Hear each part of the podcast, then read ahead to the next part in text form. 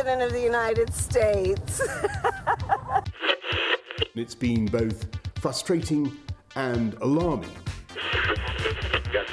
Det har sikkert været frustrerende ikke at kunne være sammen i større grupper. 二零二零年是极不平凡的一年。Breaking news tonight the deadly siege on Congress as an angry pro Trump mob storms the U.S. Capitol. To compose a country committed to all cultures, colors, characters, and conditions of man.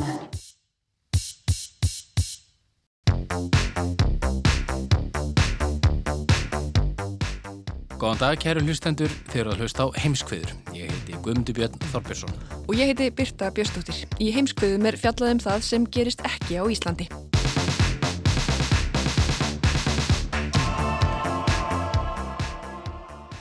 Síðasta þætti heimskviða fjallaði Ólöf Ragnarstóttir ítarlega um átökin á gasasvæðinu. Og eins og hún kom inn á í þeim þætti þyrti tugi heimskviðu þáttar til að krifja þessa floknu sögu til merkjar. Já, við ætlum kannski ekki að leggja næstu tugi af heimskuðum undir þessu umfyllun en við ætlum að halda þess áfram í þættinum í dag. Í síðarluta þáttarins ætla þú, Guðmundur Björn, að ræða við Jón Orm Haldursson, stjórnmálafræðing og um hvað ætla þið að ræða? Við ætlum að tala um þetta starra alþjóðlega samhengi í kringum þessa deilu Ísraela og Palestínu til að mynda aðkomu bandaríkjana og stuðningi þeirra við Ísrael og, og, og stöðu Palestínu á alþjóðavettvangi. Já, en við ætlum fyrst að byrja á því að fara yfir hvað gerðist í þessu máli í vikunni. Á 15. kvöld komu Ísraelska ríkistjórnin, Hamas samtökin og Íslams djihad sér saman um vopnalli. Og í þó nokkrum miðlum hefur verið fjallað um að þrýstingur frá bandarækjastjórn hafi haft áhrif á gang mála eða allavega á það að Ísraelar dróu tímabundið úr loftárásum og mögulega settist að samningaborðinu. Já, nafn bandaríkjana er mjög oft nefnt í sömu andra og átökin á gasa.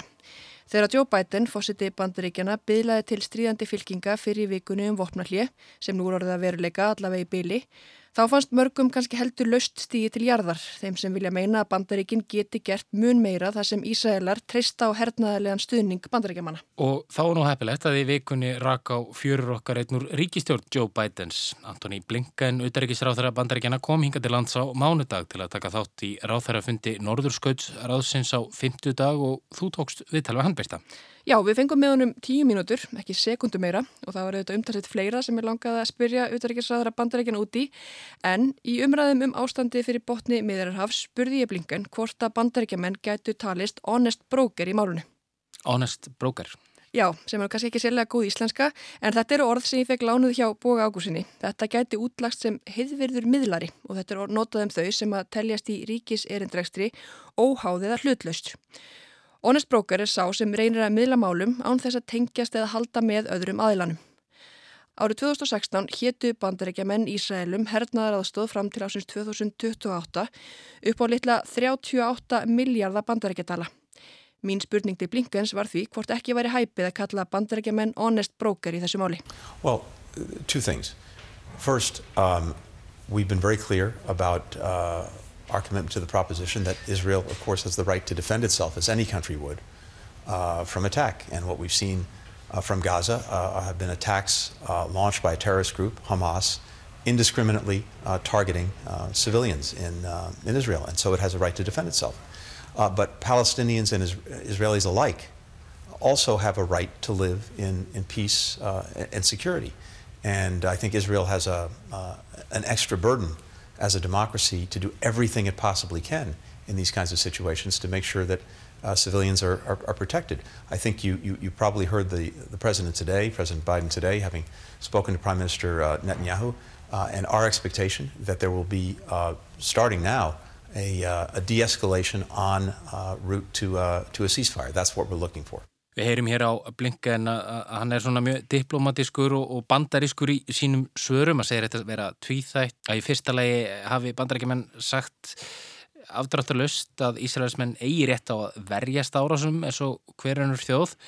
Og hann talar um árásir Hamas, eh, hriðverkahópsins Hamas, eh, það er beinist að handa hófi gegn almennum borgurum í Ísraels og þeir hafi rétt á að verjast og svo framvegs en jæmt og Ísraelar í palestinumenn rétt á að búa við frið. En byrta, nú hafa bandarækjumenn staði í vegi fyrir sameinleiri yfirlýsingu í öryggisaráði saminuð þjóðana. Ekki einu sinni heldur þrísvar á síðastliðinni viku yfirlýsingu sem átt að hvetja Ísraela og palestinumenn til að láta af ofbeldi. Já, ég spurði blinkan einmitt um það, hvernig sústaðarind rýmar við ákallera um frið. We've been engaged in very intensive diplomacy uh, and most of it's, it, it's quiet, it's on the phone, it's in meetings, but it's comprehensive and it's intensive, starting with President Biden, who's been on the phone repeatedly with uh, Prime Minister Netanyahu, with President Abbas, uh, with other leaders, myself, uh, and, and, other colleagues. And we just want to make sure that anything we're doing is going to actually advance uh, the, the prospect of, of, ending the violence and then hopefully moving to, uh, to more positive things. And so we will look at, uh, at anything we think can advance that, that prospect, the prospect for, for peace. and if we think it does, we'll, we'll support it. But our focus has been on uh, on this quiet diplomacy, trying to get uh, to a place where the violence uh, ceases and we can start to focus on more positive things. Já, Blinken saði hér að þessi erindrekstur þeirra farað mestu látt í gegnum síma og fundum en ekki á fórsýðum blana. Bætin hafi ítrekkað hringt bæði Netanyahu og Abbas og aðra leðtoga. Það hafi Blinken líka gert og fleiri. Já, áherslan sé alltaf að koma á friði. Þeir vilja gera allt sem er þeirra valdið í standi til að ná því markmiði sínu og finnst á greinilega að þessi símtöl og samtöl séu betu til þess fallin en einhverjar sameigilegar yfirlýsingar í öryggisráði saminuðu þjóðana. Blinken saðist á miðugudag vænta þess að það myndi draga úr átökunum fljótlega og að þá væri stemt að vopna hlýi. Well, as the, again, as the President said, uh, President Biden said today, uh, our expectation is that uh, we are uh, going to see uh, a de-escalation in, uh, in violence and on the path to, to a ceasefire. and that's what, we're, that's what we're looking toward, and we continue our own diplomacy and our own efforts in that direction. Og hann aðeins rétt fyrir sér sem fyrir segir var vopnallið samþygt á 50. kvöld. En þó vopnallið hljóti nú alltaf að teljast góðar fréttir þá er líklega yfirmáta bjart síni að halda því fram að björnin sé unnin í þessari laungu og floknu sögu stríðsátaka sem bara undanfanna daga hafa kostað 232 palestinumenn lífið þar af 65 börn og 12 Ísæla þar af 2 börn. Og ætlum að halda áfram að fjalla um deilur Ísrael og palestinumanna í fyrra kvöld greinti ríkistjórn Ísraels, Hamas og samtökinn sem kalla sig Íslamst Jihad frá því að samningar hefðu náðast um vopnarlið. Vopnarlið sem bandaríkastjórn hafði kallað eftir og Egiptar hefðu meðal annars milligöngu um. En Egiptar higgjast senda tvær sendinemdir til að fylgjast með því að vopnarlið verði virt. Önnur fer til Ísraels og hinn til Palestínu. Riyad al-Maliki, utarikisráðara Palestínu, sagði að Ísraels stjórn hefði lengstu lög forðast að semja um gagkvæmt vopnalli en það hefur nú tekist og þá hefur Antoni Blinken, utarikisráðara bandaríkjana sem við rættum við hér áðan, sagst vera reyðubúin að halda til miðausturlanda ef hann geta orðið að liði við að tryggja frið fyrir botni miðarhafs, hann tilgreindi þó ekki hvenar það kynni að verða. Það er nefnilega ekki svo að þótt deila Ísraela og palestínumanna eigi sér stað fyrir botni miðarhafs hafa hún ekki áhrif á alþjóða samfélagið og alþjóða stjórnmálinn. Okkur hefur verið tíðrætt um bandaríkin og stuðning þeirra við Ísraels ríki hér og hingaði komin Jón Ormur Haldursson, stjórnmálafræðingur, til að ræða starra samengið í kringum þessa langvinnu deilu. Jón, við ræðum kannski þetta vopnarlið sérstaklega á eftir en ég kannski byrja bara á að spyrja þau út í bandaríkin sérstaklega. Hún byrta nefndi hér áðan að eh, árið 2016 þá hafi bandaríkjumenn heitið Ísraelum hernaðarástóð fram til ásins 2028 upp á litla 38 miljardar bandaríkjadólara og kannski verðt að spyrja bara í hvaða formi fælst stuðningur bandarískra stjórnvalda við Ísrael einna helst. Er það einmitt, í, einmitt svona í gegnum stuðningu við heyrin? Það má segja að sé tvent sem skiptir mestu málu og annað er hernaða stuðningurinn sem er gífurlega mikill og það er erfitt átt að segja svona tölum en það er kannski rétt að benda því samengi þetta er ekki líkt neinu öðru sem bandaríkja menn gera nokkuð starf á jörðunni, stuðningur við Ísrael. Hann er átti fjórar miljardar dólar á ári og það er ekkit ríki nálatið verið þeim flokki hjá, hjá bandaríkjónum. Það var oft hér áður að ég ekki alveg ekki, síðu síðustu tölur að það fekk Ísrael meira heldur en öll Afrika í bandaríska aðstóð að ekki þetta landi með uh, frátöldum.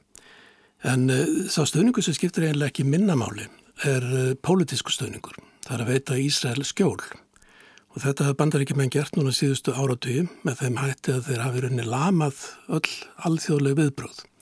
Þau talað sífælt máli í Ísraels, þau komið í veg fyrir að þetta sé tekið upp af einhverju alvöru af alþjóðlegum stofnunum eins og saminuð þjóðunum, öryggisáðunum og þau hafa þrýst mjög bandamenn sín út um allan heim um að sína Ísrael sem allar mesta þólumæð og, og, og hjálpa þeim á, á þann hátt. Þannig að þetta er líka eins og hernaðastöningun einstakt uh, uh, mál. Það er svo að ræða sko, ástæðuna fyrir þessu, það eru, ímsar. Já, og... það er einmitt kannski, kannski góð spurning. Er eitthvað svona Er þetta eitthvað söguleg tenging eða, eða hver er, er raun ástæði fyrir þessu öll saman? Já, þetta er náttúrulega lung saga en ég held að sé rétt að það gerir strax greið fyrir því sem að ofta tíðum uh, er kannski menn líta framjá er það að þessi stuðningur við Ísrael að menn ofta tíðum sett fram að þetta sé sko skiptir miklu, strategísku miklu málu fyrir bandaríkin. Að eiga þennan sterka, hernaðilega sterka bandamann í miðausturlöndum og þeir þurfa að styrkja hann til að ná fram markmiðin sín með þeim heimsluta sem og annar staðar. Ég held að það sé ránt. Ég held að það sé ekki þeirri ástæði sem bandaríkjumenn stiða svona þetta baki í Ísrael og ég held að það sé öðvöldur hann að sína fram á að það verður kostnaðsamt fyrir bandaríkina að stiða Ísrael með það mætið sem það hafa gert. Gaggrínað þessu tægi heyrist í háskólum í bandaríkjunum en hún heyrist ekki út af þeirra. Mm -hmm. Þannig að þetta er reynlega ekki dagskrá í bandaríkjunum sem umdælanlegt mál hvort eða stiða Ísrael eða, eða Palestínu eða ekki.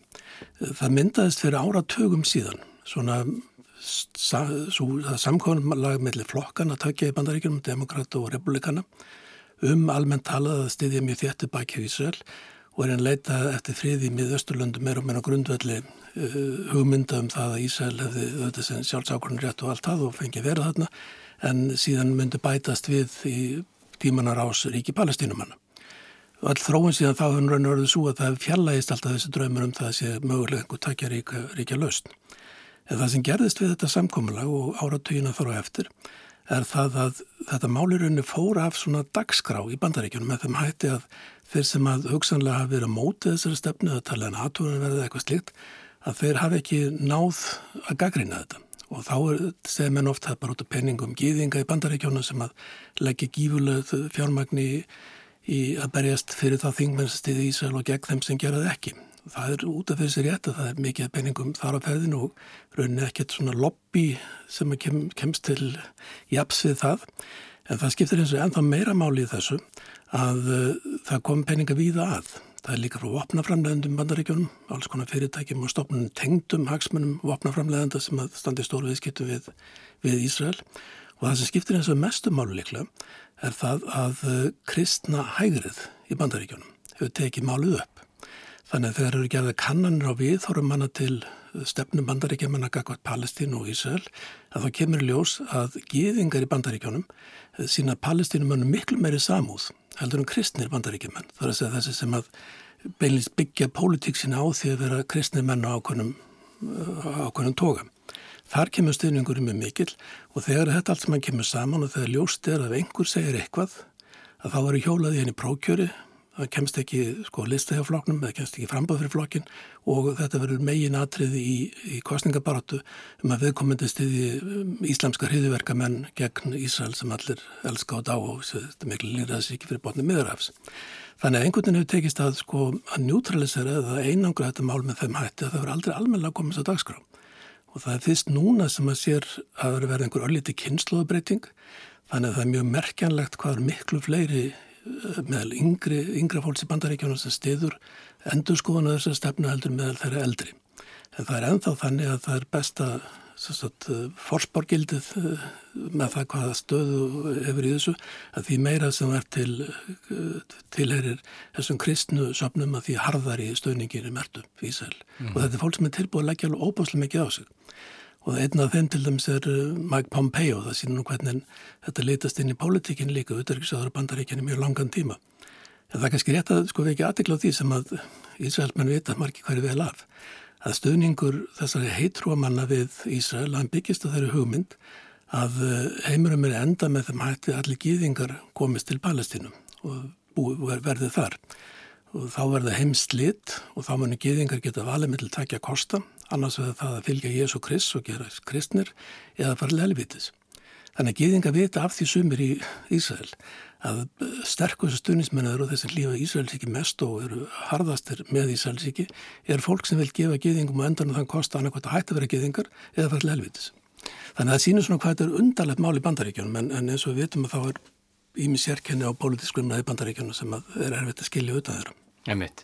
Og þá er kannski verðt að spyrja í framhald af þessu og þú talar um að það sé að verða einhver svona kynsluðaskipti og breyting og ungt fólk í bandarækjunum sé að fara að, að, að, já, aðhylla sjálfstæðisbaróttu palestinumanna og sína þeim stuðning.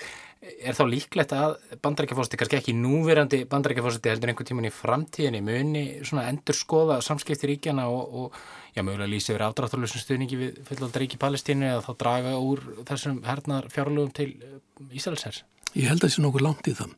Ég held eins og umræðan sé að breytast og maður getur bara að sé að það á bandarískum fjölmjölum eins og New York Times sem hefur alltaf stutt í sæl með eindrið. Það sem er við aðdæktisverðast í þess að það, það er meðal gýðinga sjálfra í bandaríkjónu sem þessi endur skoðum verist fara fram og það er meðal yngra fólks í háskólulandsins. Og það eru hópar sem að munu skipta miklu mál í framtíðinu. Það er nokkuð langt í að það verði einhver held ég vatna skil í þessari umræðu.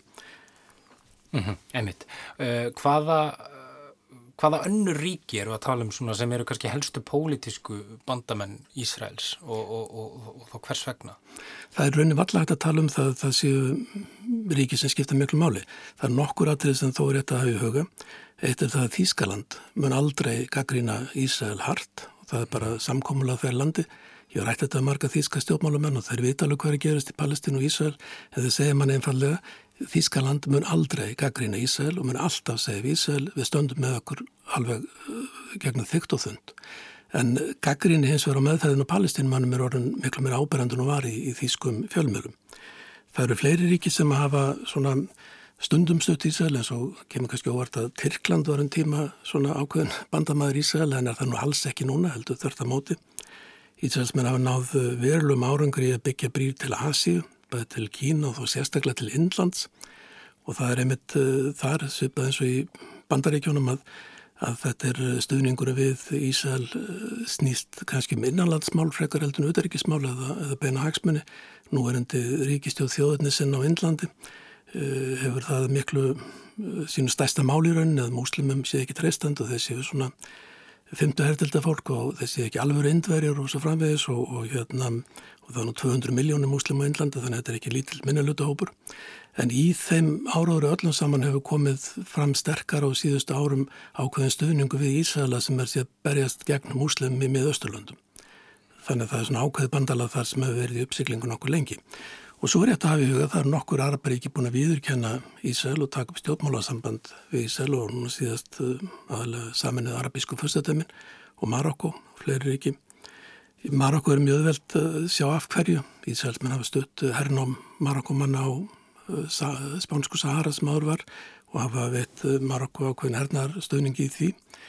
Varandi saminu arabísku fyrstadæminu er þetta aldrei sérkjönulegt ríki sem að, ég veit ekki hvort fólk almennt átt að sjá, þetta er 10 miljón manna ríki það sem er ekki náma rúmlega miljón manna með borgarréttindi. Mm -hmm þess sem að 85% eh, af öllum íbúinum er útlendingar. Mm -hmm. En enga séu mjög tákgrænt að eh, ríki í Arabaheiminum skuli gera þetta? Já, en það er samt sko ástæðan fyrir að útskýra eh, hérna, saman aðraðsbísku fyrstaminu að það hafa svolítið sérstaklega til þar. Í rauninni stjórnvöld þar í þessu óhemjulega ríka landi að þau dæla peningum með þess að fáir borgara sem er í landinu sem er bara mjög kátið með sín stjórnvöld og er ekki líklega til mikill andofs þannig að mann þurfi ekki að hugsa mikið um hvað almenningur almenningi finnst. Því að þetta er svona sýpæðlumins eins og á Íslandi var engungu íborg hópavóks með borgarréttind en allir aðra Íslandingar hafðu stöðu farandverkamanns. Þannig að það er til í, í saminuðar bisku fyrstamanna 10% fólk sem með þessi réttindi og þetta gefur þeim ákveðið sjálfræði í, í, hérna, í þessum málum en þetta líka er ástæðan fyrir því að ein, einu ástæðan mannast verið gífurleip auður Þarna og svo hins vegar ákveðin tilvistar vandi og tilvistar ótti sem að, maður finnur fyrir í saminhæra biskupfastadæmanum sem að hefur brotist núna síðust árum út í svona stórveldiströmmum. Þannig að eh, biskupfastadæmi stundur núna herna bæði í Jemen, hafa gert í mörg ár og erum með flugherr í, í Líbi og hafa skipt sér mikið málum þar og tengjast svona almennir baróttu, valdabaróttu innan mið Östurlanda um fórustinum í Íslandska heimi.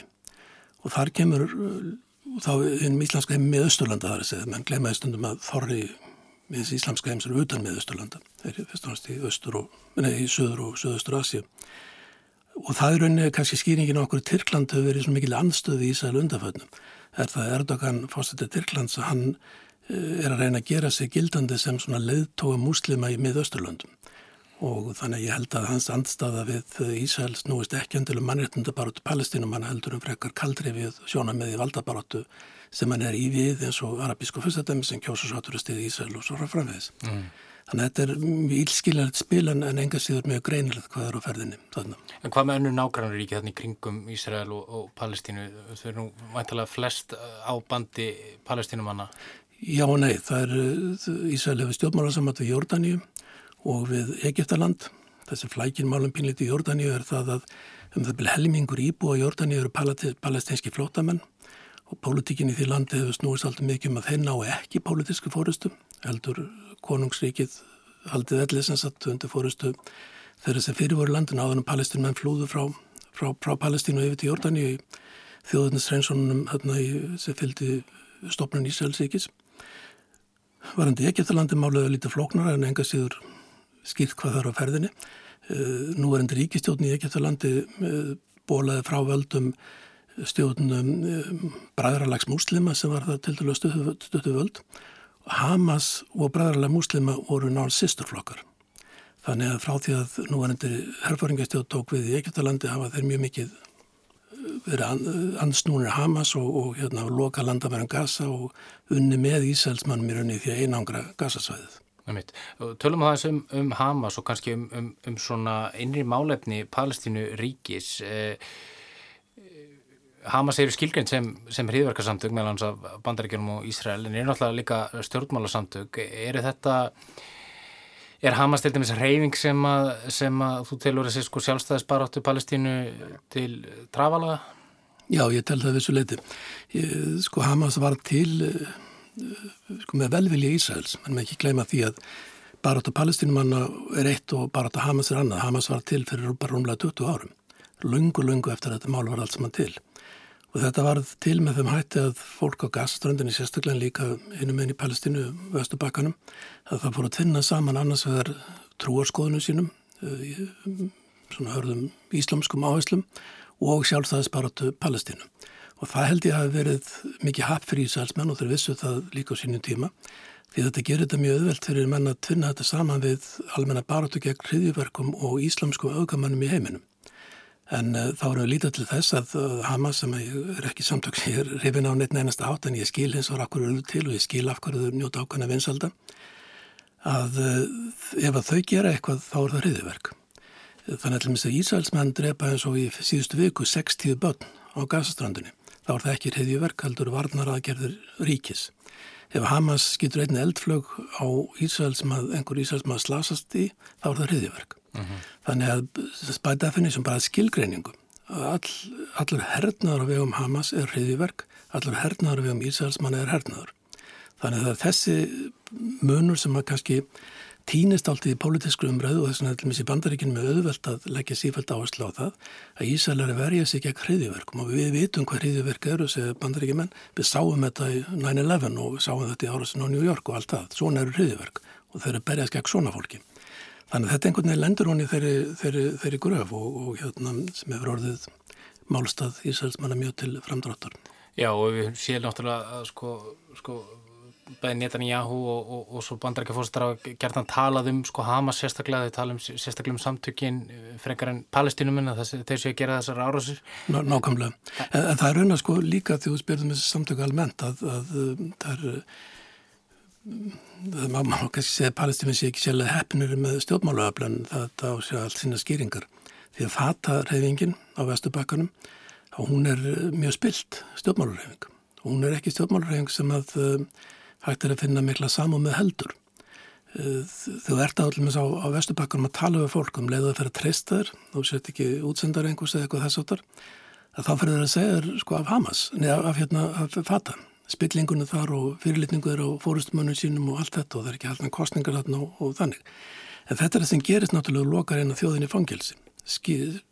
Brítunum byrja marga, marga búta að það verður ekkit elli stjórnmála þróun. Þannig að það er því miður að þá hefur ekki tekist að búa til neitt afl meðal palestinumanna sem að í raunin nýtur tiltrúar bæði þeirra sjálfra og um, umhemsins. Já, og þá komum við inn á það að náttúrulega Palestína já, er aðeins fullvalda ríki svona lögumsanga, þetta er ekki kannski í raun 138 ríki viðkenna fullildi palestinuríkis en, en það er til dæmis ekki fullgildur meðlumur eh, saminuð þjóðana hvaða, hvaða völd hefur Palestína þá í raun á alþjóða vettvangi og, og, og hvers vegna er þetta svona? Ég held að það sé allavega að tala um völd, það er að tala um ákveðin áhrif mm. og ég held að þau áhrif hafa farið vaksand á síðust árum. Ég tek að því að það er svona ný kynnslóð palestínum, hann er miklu betur mentað fólk, fólk sem þekkir betur vestarna heim og annað slikt sem að eh, hefur verið að veljast í fórustu sem eins og sendiherrar eða, eða fulltrúar eða talsmenn eða eitthvað slikt. En þeir sem sitja völdum eru ennþá gamlu kallarnir sem eru fastir í sínum gamla, gamla hugmyndaheimi.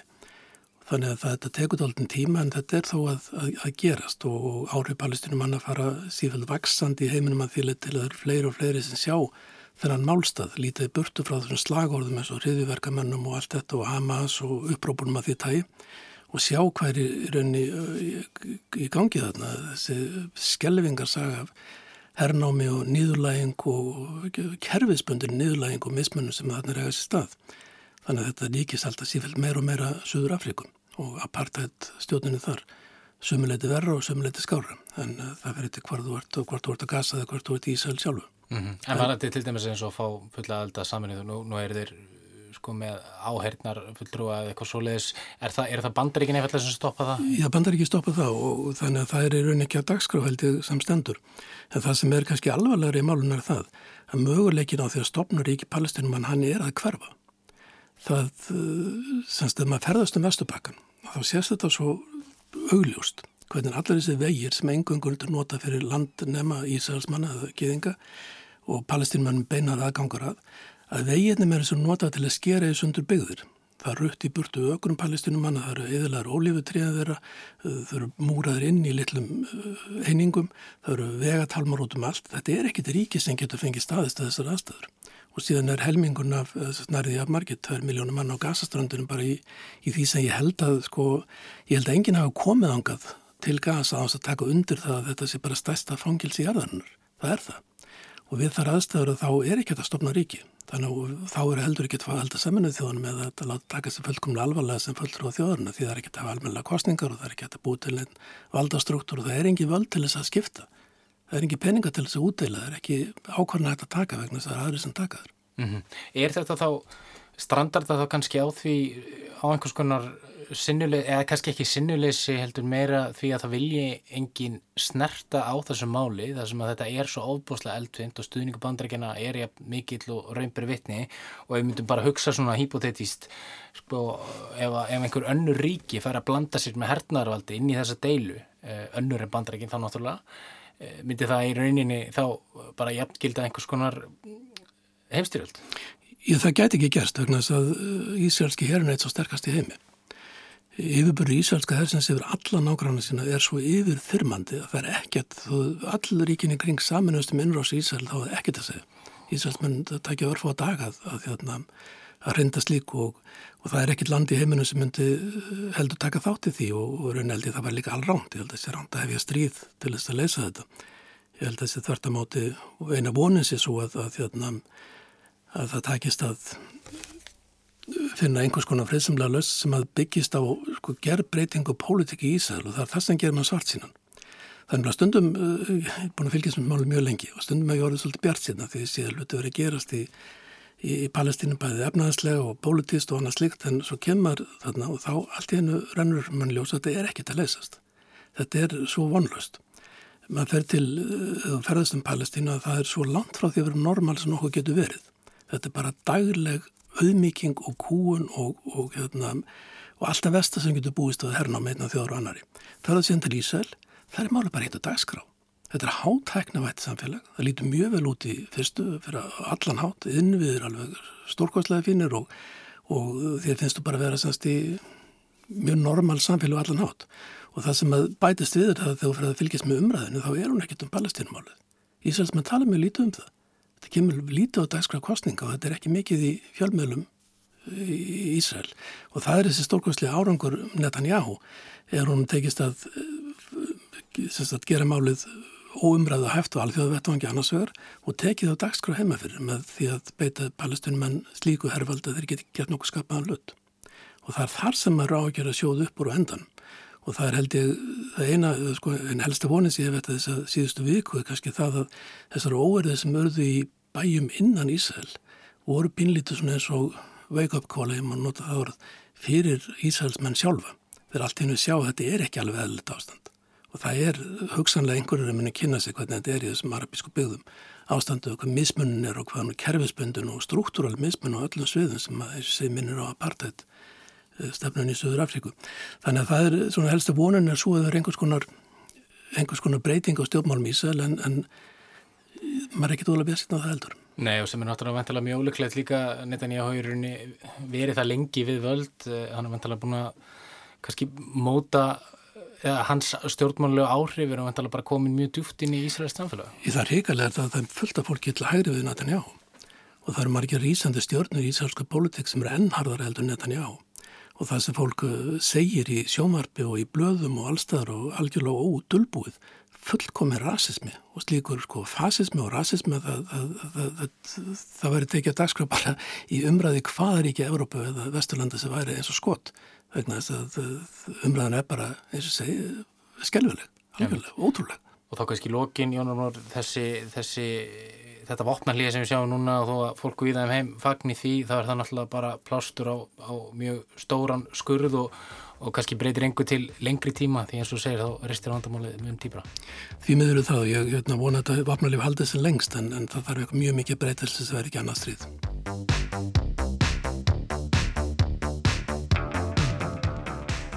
Við þökkum þeim Jóni Ormi Haldósinni og Antoni Blinken fyrir spjallið í heimskviðum sem verða ekki fleiri þessa vikuna. Þátturinn er einnig aðgengilegur á öllum hlaðvarpsveitum í spilaranum og á rúf.is en við þakkum þeim sem lítum. Og heyrumst aftur í næstu viku þegar við fjöldum um eitthvað allt annað en átökin fyrir botni miðararhafs.